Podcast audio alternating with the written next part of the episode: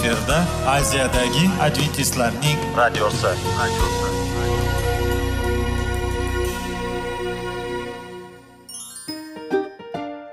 Assalomu alaykum aziz radio tinglovchilar. Sog'liq daqiqasi rubrikasiga xush kelibsiz. Zero tananing sog'lom bo'lishi va uning kasalliklardan saqlash har bir insonning burchi hisoblanadi. Inson uchun bebaho boylik bu sog'liq salomatlikdir. Uni asrash esa har birimizga omonat qilib berilgan. Shuning uchun ham inson o'z sog'lig'ini ehtiyot qilishi voajib amallardan hisoblanadi. Dono xalqimiz sog'liq tuman boylik deb bejiz aytmagan. Aql idroq sohibi bo'lgan inson o'z hayotini qadrlashi lozim bo'ladi. Hozirgi kunda qanchalik dori darmonlar ko'paymasin tibbiy muassa sifati shifokorlar vasiyasi tibbiy texnika yaxshilanmasin. Agar insonning o'z salomatligi haqida qayg'urmasa kutilgan natijaga erishib bo'lmaydi va biz sizlarga bizning dasturimizga xush kelibsiz deymiz.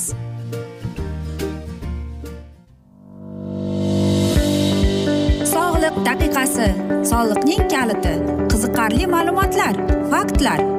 Har kuni siz uchun foydali maslahatlar. Sog'liq daqiqasi rubrikasi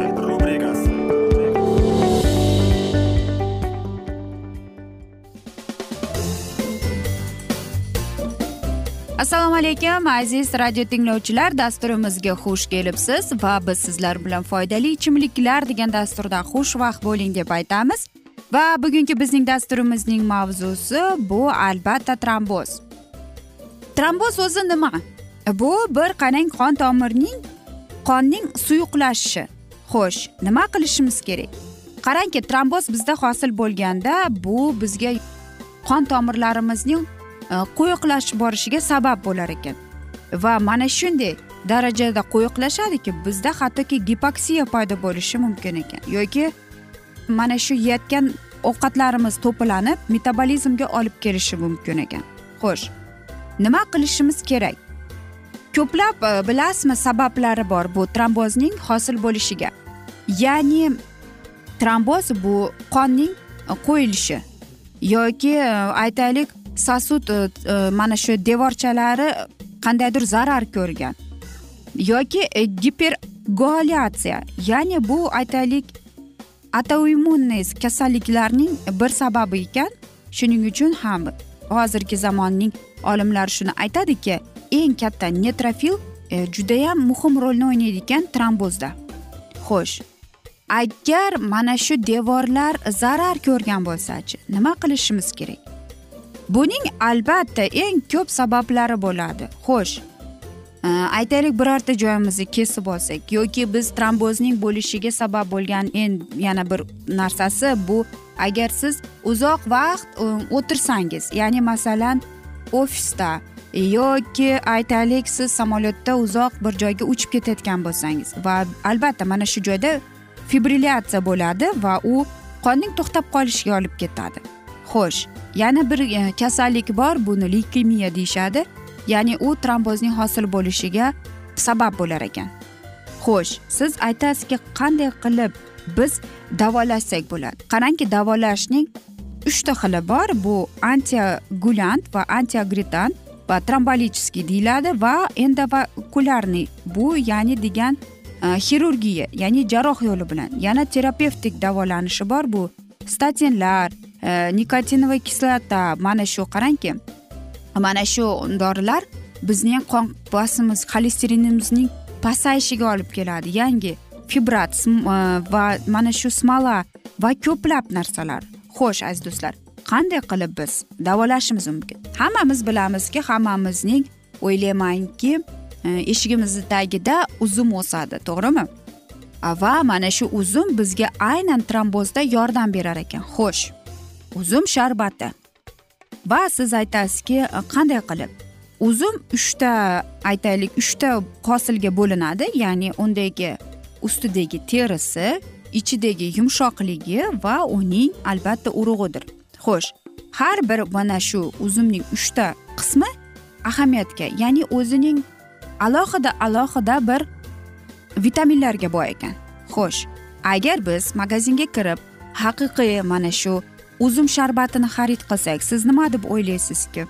U haqiqiymi yoki yo'qmi? Albatta e, mana shunday fabrikadan chiqayotgan e, sharbatlar ular undagi tom mana shu ustidagi terisini tozalab keyin ishlatadi.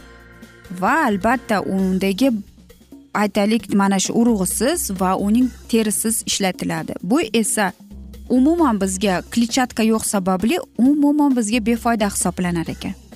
Shuning uchun ham biz buni qabul qilib yoki xarid qilayotganimizda biz o'zimizga umuman kerakmas oddiy suvni xarid qilyapmiz ekan. Xo'sh uzum bizga nima qilib yordam beradi deymiz?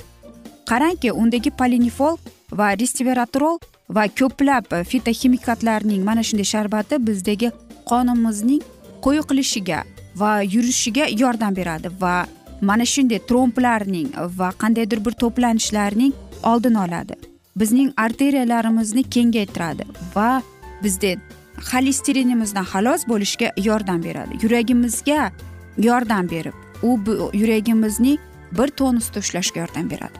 Va qarangki eng e, judayam qiziqarliki u jigarni yaxshi toza tutishga harakat qilishga yordam berar ekan. Ya'ni u biz uni hosil qilgan biz uni iste'mol qilganimizda demak u bizga yordam beryapti. Qonimizni tozalab e, mana shu bor ichakdagi hamma narsamizni qonimizgacha. Va qarangki uzum sharbati bizni hattoki saratonning e, saratondan bizni himoya qilar ekan. Va ko'plab o'zidagi bo'lgan hosillarni yordam beradi. Hattoki diabet kasalligi bilan bo'lgan e, kasal bemorlar ham mana shuni iste'mol qilsa bo'ladi. Xo'sh albatta siz aytasizki qanday qilib? Tromboz hosil bo'lganda yoki aytaylik E, bo'lmasin desangiz siz birorta joyga samolyot bilan uchib ketsangiz albatta o'zingizga mana shunday uzum sharbatidan e, xarid qilishingizga yoki o'zingiz uyda tayyorlab e, olib ketganingiz ma'qulroqdir. Va albatta eng yaxshisi bu albatta qizil uzum hisoblanadi. Uning uchun biz bizga bir yuz ellik gramm uzum kerak bo'ladi. Albatta eng yaxshisi bu qizil uzumdir va bularni uzumni urug'idan ajratib bularni hammasini blenderga solib maydalab ularni hamma narsasidan tozalab elakdan o'tkazib iste'mol qilishingiz kerak. Va aziz do'stlar qarang mana shunday foydali trombozga va ko'plab kasalliklarga yordam beradigan bizga albatta bu uzum sharbatidir. Va hamma yaxshi narsaning ham yakuni keladi degandek afsus bizning dasturimizga ham yakun kelib qoldi chunki vaqt birozgina chetlatilgan. Lekin keyingi dasturlarda albatta mana shu mavzuni o'qib eshittiramiz. Va sizlarda savollar tug'ilgan deb umid qilaman. Agar shunday bo'lsa biz sizlarni salomat klub internet saytimizga taklif qilib qolamiz va umid qilamiz bizni tark etmaysiz deb chunki oldinda bundanda qiziq va foydali dastur kutib kelmoqda va biz sizlarga sog'lik salomatlik tilagan holda xayrlashib qolamiz.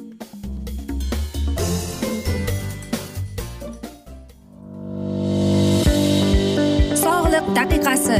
Soliqning kaliti. Qiziqarli ma'lumotlar faktlar.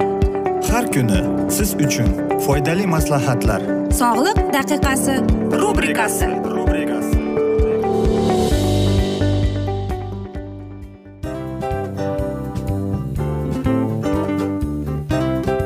Mana ha hayotda hamma narsaning yaxshi narsalar tugaydi va yakunlaydi degandek bizning dasturimizga ham yakun keldi o'ylaymanki bizning dasturimiz sizga foydali bo'ldi deb aziz radio tinglovchimiz. Va siz o'zingiz uchun kerakli xulosalar kerakli maslahatlar olib oldingiz. Aziz radio tinglovchimiz biz bilan qoling va keyingi dasturlarimiz albatta undanda qiziqroq bo'ladi. Mana shu alfozda sizlar bilan xayrlashib qolaman.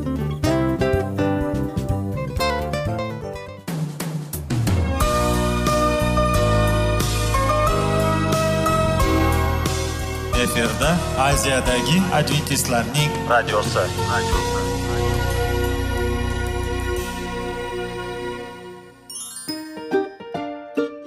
Assalomu alaykum aziz radio tinglovchilarimiz. Dil izhori dasturimizga xush kelibsiz. Pul insonni baxtli qiladimi? Albatta yo'q. Sog'liqchi? Albatta bo'lishi mumkindir. Lekin olimlar shuni isbotlashdiki to'liq va mukammal munosabatlar insonlarni baxtli qilar ekan. Albatta biz hayot davomida biz yaqin insonlar bilan odamlar bilan aloqada bo'lamiz va ular bilan munosabatlarimiz qanday kechadi qanday tuziladi? Yigit va qiz er va xotin ota ona va farzandlar va yaqin insonlar bilan. Balkim hozirgi vaqtda kimnidir hayoti yoki munosabatlari buzilyapti. Va bizning dasturlarimiz ularga yordam bo'ladi deb. Va oldinda sizlarni qiziqarli intervyular va mavzular kutyapti va biz umid qilamizki siz biz bilan qolasiz deb.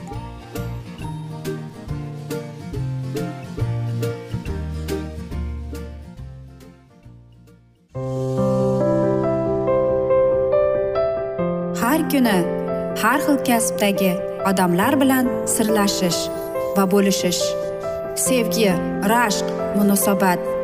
Bularni hammasi dil izhori rubrikasida.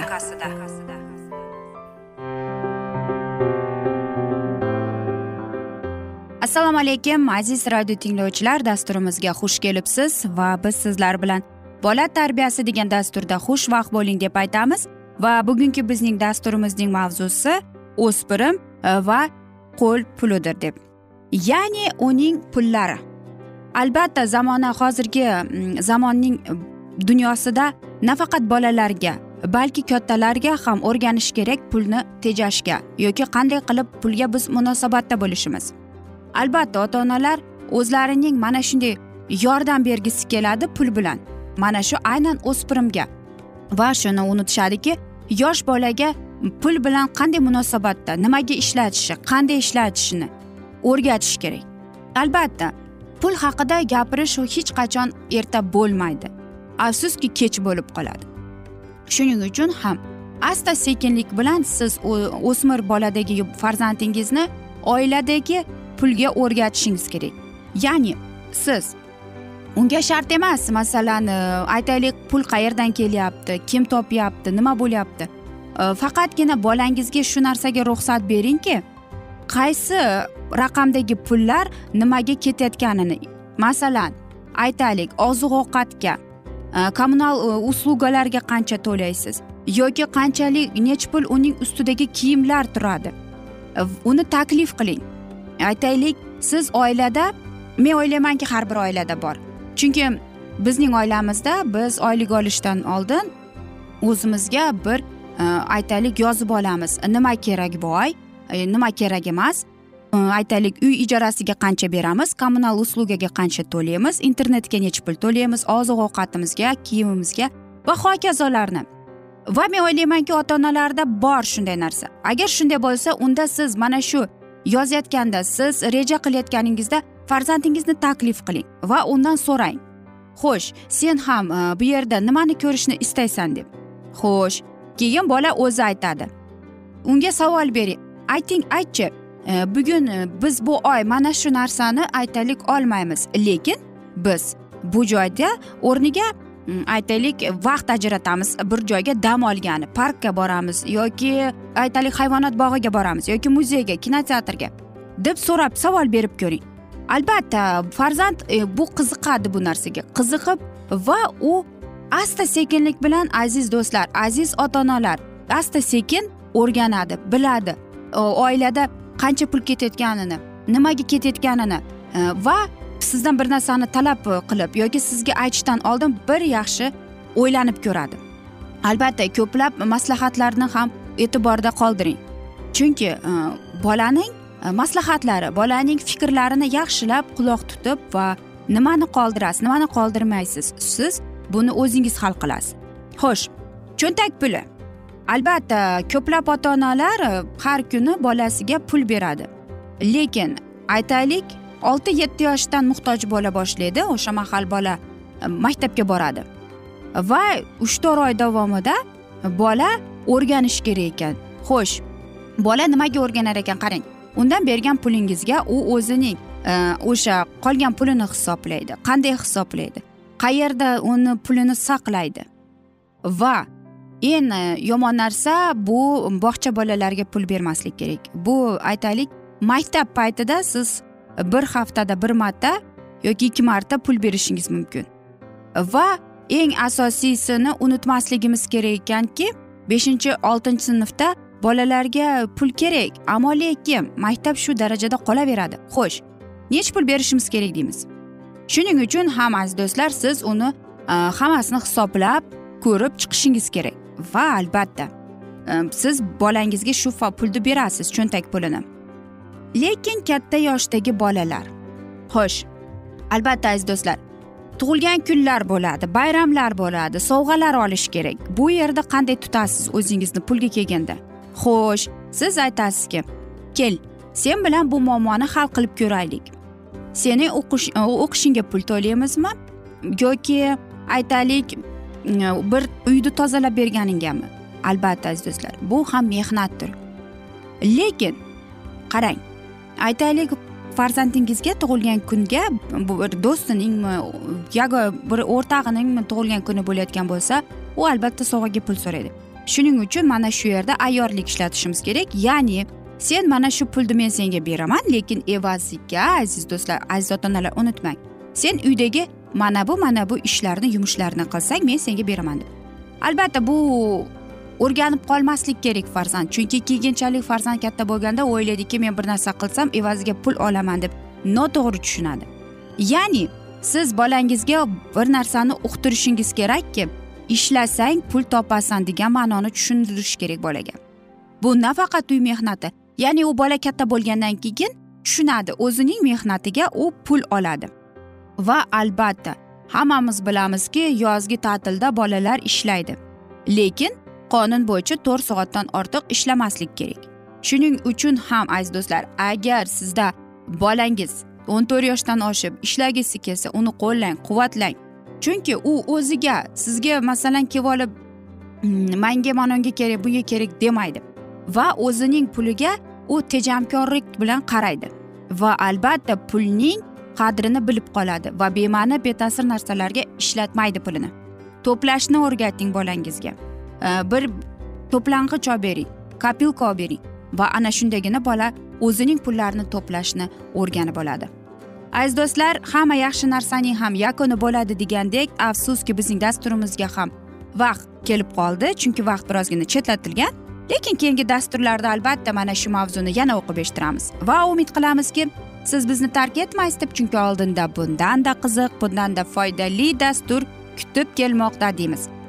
Va biz sizlarga va oilangizga tinchlik totuvlik tilagan holda seving seviling deb xayrlashib qolamiz.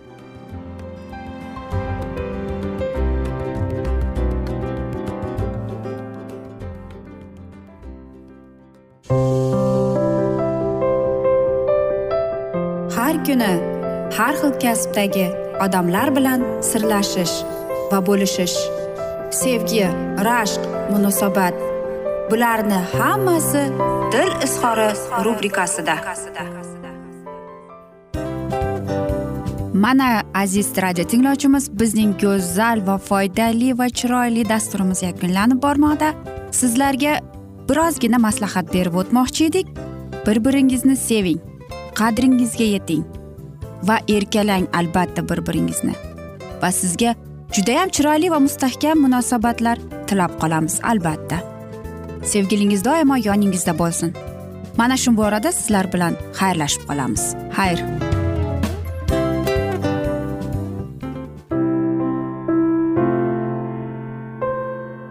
Hayotning noni. Qiziqtirgan savollar va javoblar. Buning hammasi ko'ngil uchun oziqa rubrikasida.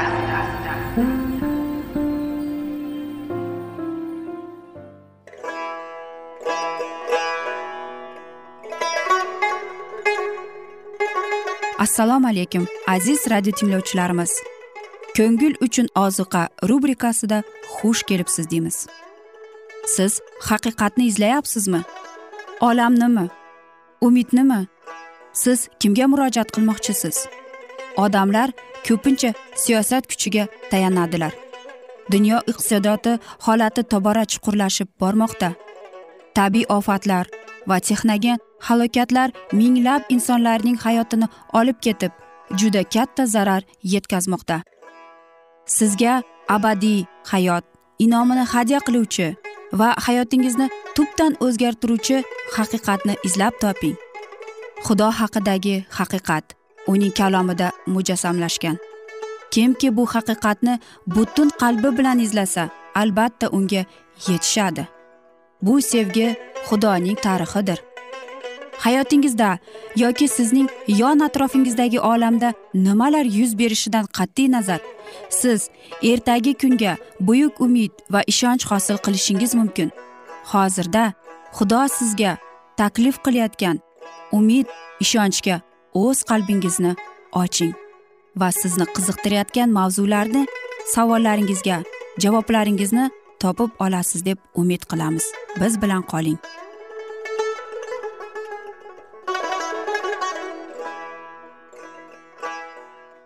Assalomu alaykum aziz radio tinglovchilar.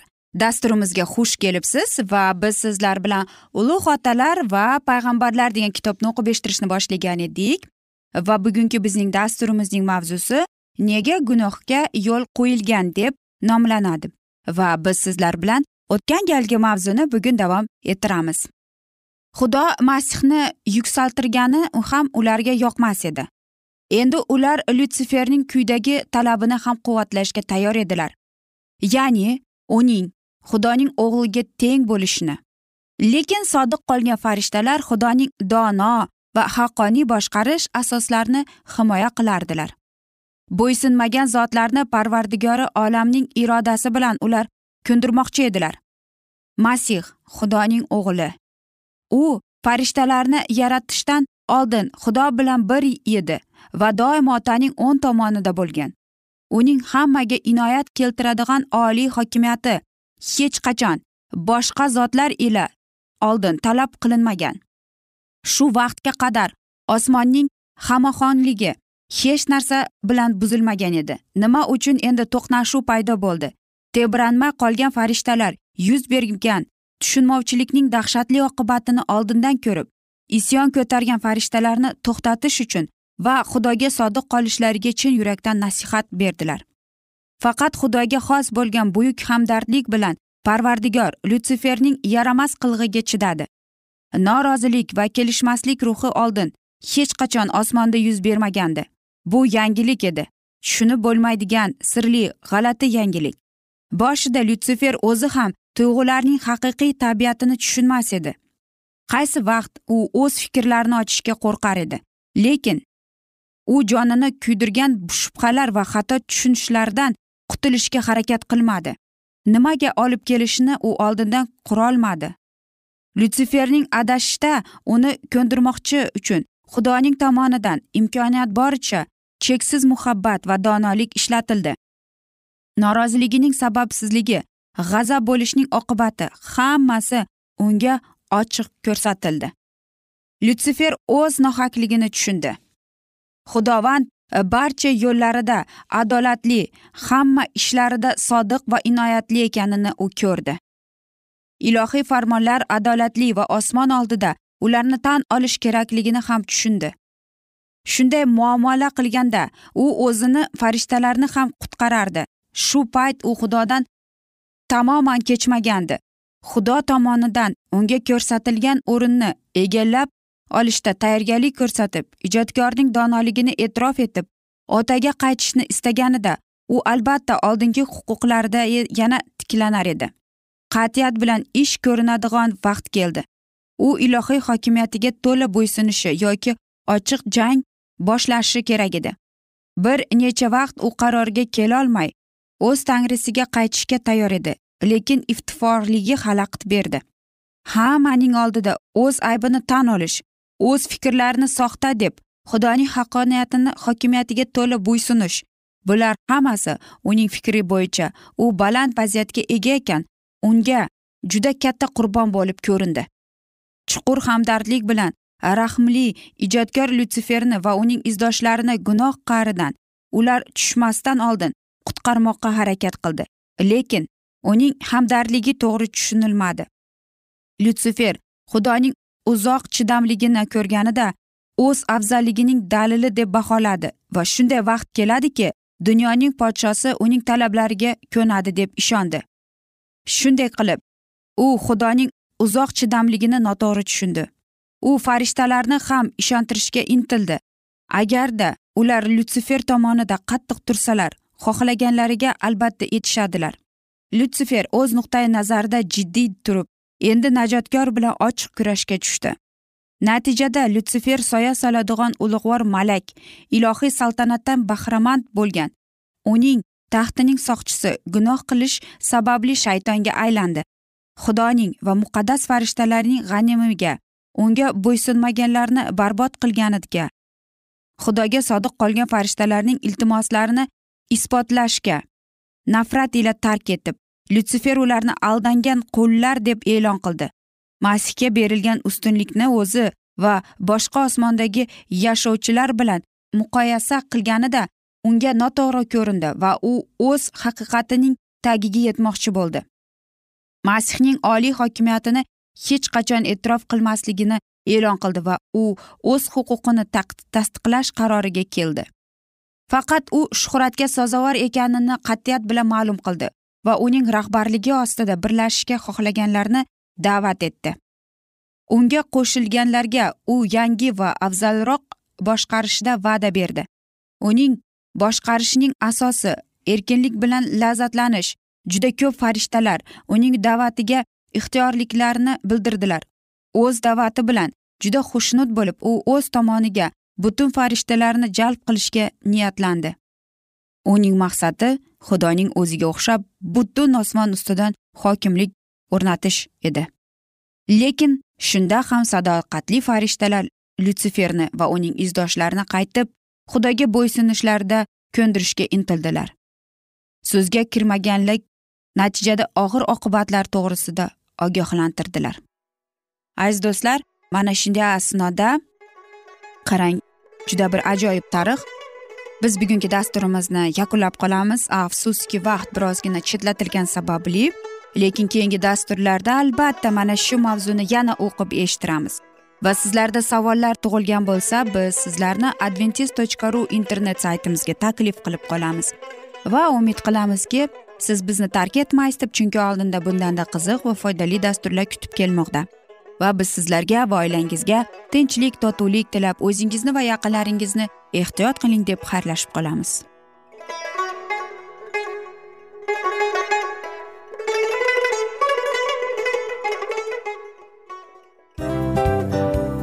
Mana aziz radio tinglovchimiz hamma yaxshi narsaning yakuni bo'ladi degandek bizning ham dasturlarimiz yakunlanib qolmoqda. Aziz do'stlar o'ylaymanki bizning dasturlarimiz sizlar uchun judayam foydali bo'ldi deb bizning dasturlarimizdan siz o'zingizga foydali va judayam kerakli maslahatlar oldingiz deb. Masalan sog'liq borasida biz sizlarga sog'liq tilaymiz albatta lekin bizning maslahatlarimizga ham amal qilishga unutmang. Munosabatlarga kelganda bu munosabatlar chuqur va yaxshi bo'lishi uchun uni ustidan ishlash kerak albatta. Diniy masalaga kelsak aziz do'stlar bu judayam jiddiy va chuqur nazarni talab qiladi.